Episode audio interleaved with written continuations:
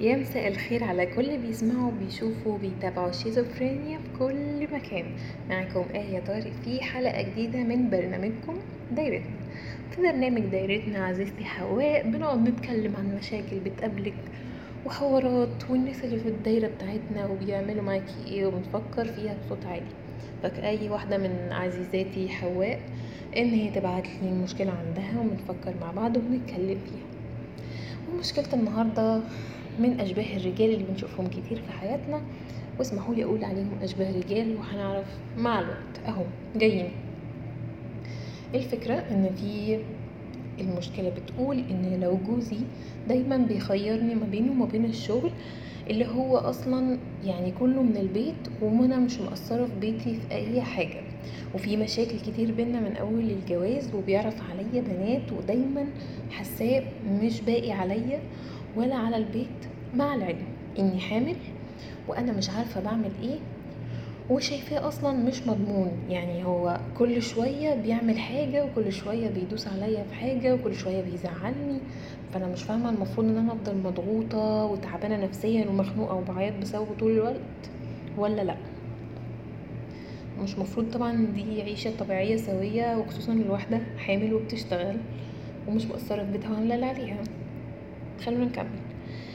بتقول حاولت أتكلم معاه في موضوع الشغل وإني مش عايزة أسيبه وإني تعبت عشان أوصل للي أنا فيه وإنه كده بيجي عليا وعلى الحاجة اللي بحبها وهو مش موافق نرجع البيت غير لما أسيب الشغل.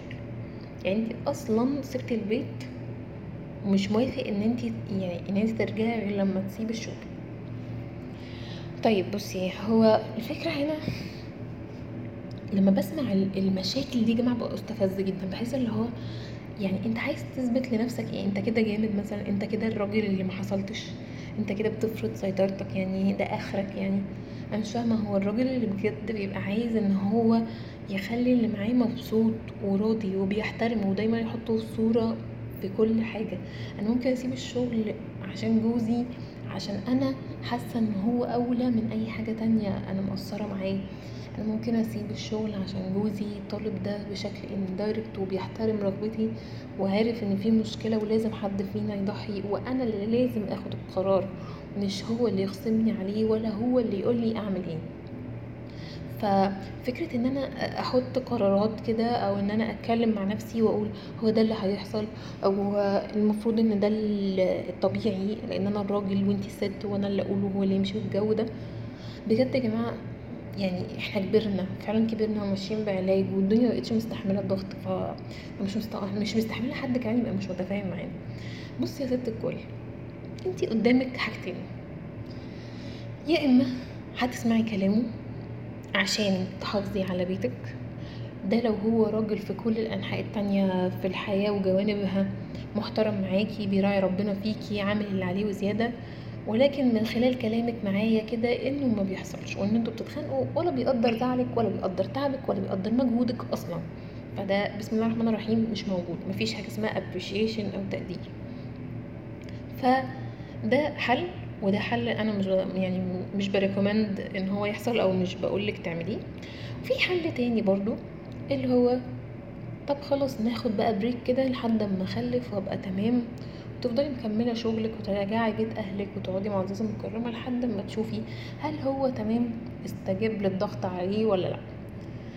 وفي حل تالت كمان إن أنت ممكن تجيبي حكم من أهله وحكم من أهلك وهم أقرب اتنين ليكوا شايفين كل اللي بيحصل ما بينكم وهم اللي هيقولوا لكم الحل الصح أو الحاجة اللي المفروض تحصل بناء على كذا حاجة.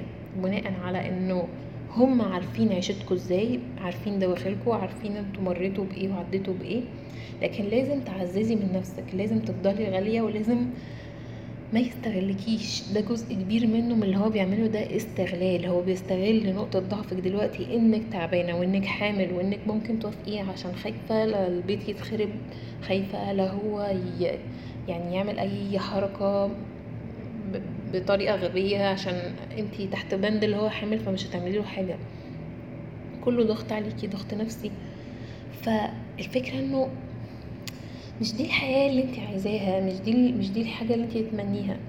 وبصراحة في الأيام دي الشغل بقى أمان لينا كلنا. الشغل ما بقاش مجرد رفاهية أو إن أنا بثبت نفسي أو إن أنا زي ما بيقولوا كده بضيع وقت وخلاص. لا الشغل بقى أمان للست خصوصا في الظروف اللي إحنا فيها. ما بقاش في حاجة مضمونة وعمر ما كانت في أي حاجة مضمونة قبل كده. ولكن المانرز أو الأخلاق أو ال- كل التربية والحاجات دي اختلفت كتير قوي عن زمن أمهاتنا والزمن اللي قبلنا بشوية. فأنا شايفة إنك لأ ما تستغنيش عن شغلك لأن هو اللي ليكي. آه تاني حاجة هو أصلا كزوج ما كانش مريحك وما كانش يعني ما فيش سبب أصلا. يعني فكرة إن أنا بيتعامل معايا على إني كرسي بينقلني من هنا لهنا وخلاص من غير ما يفكر معايا. طب اتكلم معايا أنت ليه عايزني الش- الشغل؟ يعني إيه السبب؟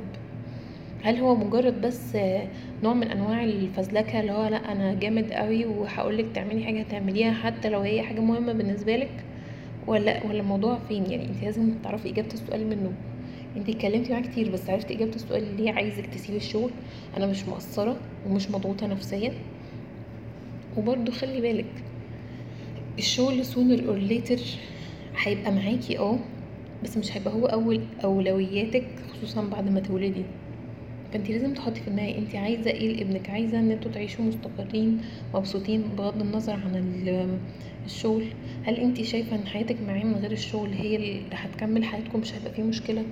لازم تقعدي تسألي نفسك أسئلة ومحدش هيجاوبك عليها غيرك. إحنا بس بنفتح كلام وبنقول إيه نتكلم في إيه. بس الشغل أمان للست. الشغل الشغل هو الأساس إن الست تقدر متسندة على حاجة لو لا قدر الله اتغدر بيها من أي حد. هي عارفة تجيب أكلها عارفة تجيب شربها هي مش مكسورة مش ضعيفة. وفي نفس الوقت برضو ساعات الشغل بيأثر على حياة الست بس في الكيس بتاعتك أو في مشكلتك أنت أنت عاملة اللي عليكي. ولازم برضو عشان كده قلتلك تقولي حد من أهلك. لازم يأكدوه معاكي إن أنت ممكن تكوني فاكرة إنك عاملة اللي عليكي وأنت مش عاملة اللي عليكي قوي لازم حد من بره الصورة هو عارفكوا كويس هو اللي يديكي النصيحة الأكمل والأحسن ليكي. وفي الآخر ربنا طبعا يوفقك للأحسن ويبعد عنك كل الضغط النفسي وتولدي بالسلامة وتعيشي حياة كويسة وكريمة تستاهليها وتستحقيها. ما ترخصوش نفسكم خالص يا جماعة مفيش حاجة تستاهل خالص.